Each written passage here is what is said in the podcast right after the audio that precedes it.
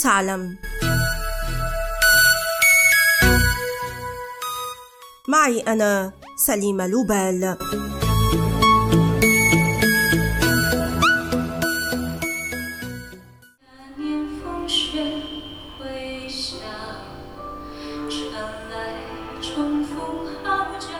مطلع نوفمبر 2021 أعلنت هيئة الأفلام الصينية مخططها الخماسي لتطوير الصناعة السينماتوغرافية وأما الهدف فهو تحول الصين إلى قوة ثقافية عظمى في غضون 2035 ذراعها المسلح هو الأفلام.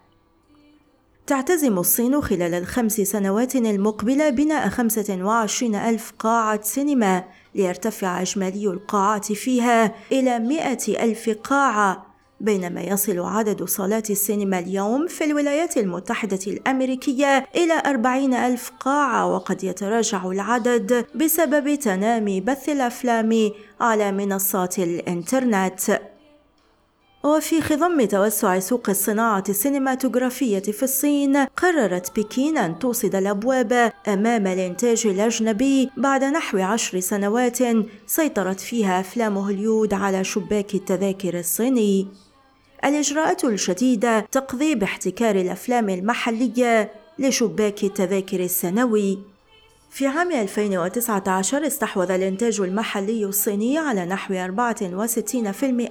من المداخيل وارتفعت النسبة إلى 84% العام 2020 وتشير الأرقام إلى أن ثلاثة من بين أكثر خمسة أفلام حققت أكبر مداخيل في العالم هي من إنتاج تشاينا وود. ففيلم معركة بحيرة تشانجين حقق 882 مليون دولار متقدما على فيلم Hi, Mom الذي حقق إيرادات بحجم 822 مليون دولار ثم Fast & Furious 9 ب 721 مليون دولار.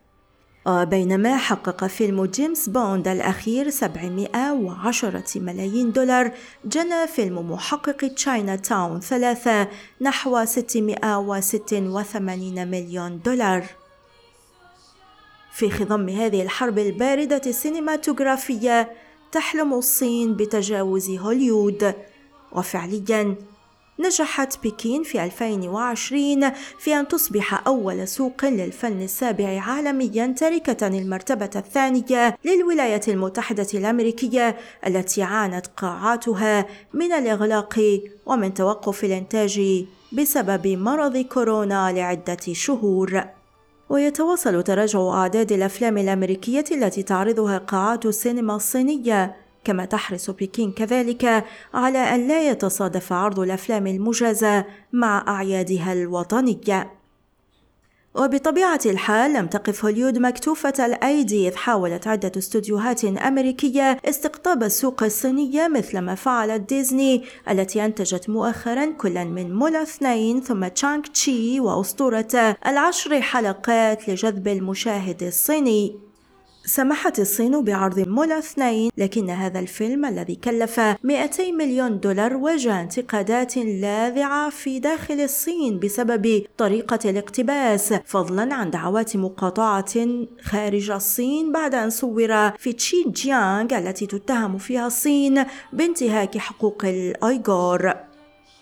باختصار تواجه هوليود مأزقا كبيرا بسبب اعتماد استديوهات الإنتاج الأمريكية على السوق الصينية التي باتت تحكمها الرقابة أكثر من أي وقت مضى. لكن هل سيصمد الأبطال الخارقون الممنوعون اليوم من قاعات السينما الصينية؟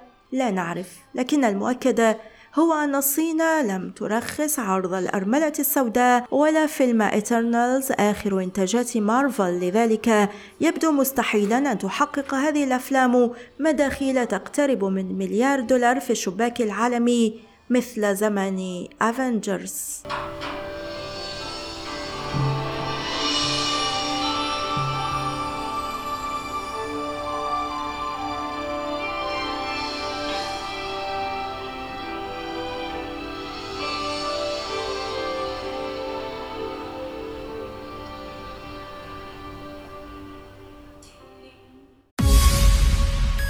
والآن إلى اللقاء مع حلقة جديدة من بودكاست هل تعلم؟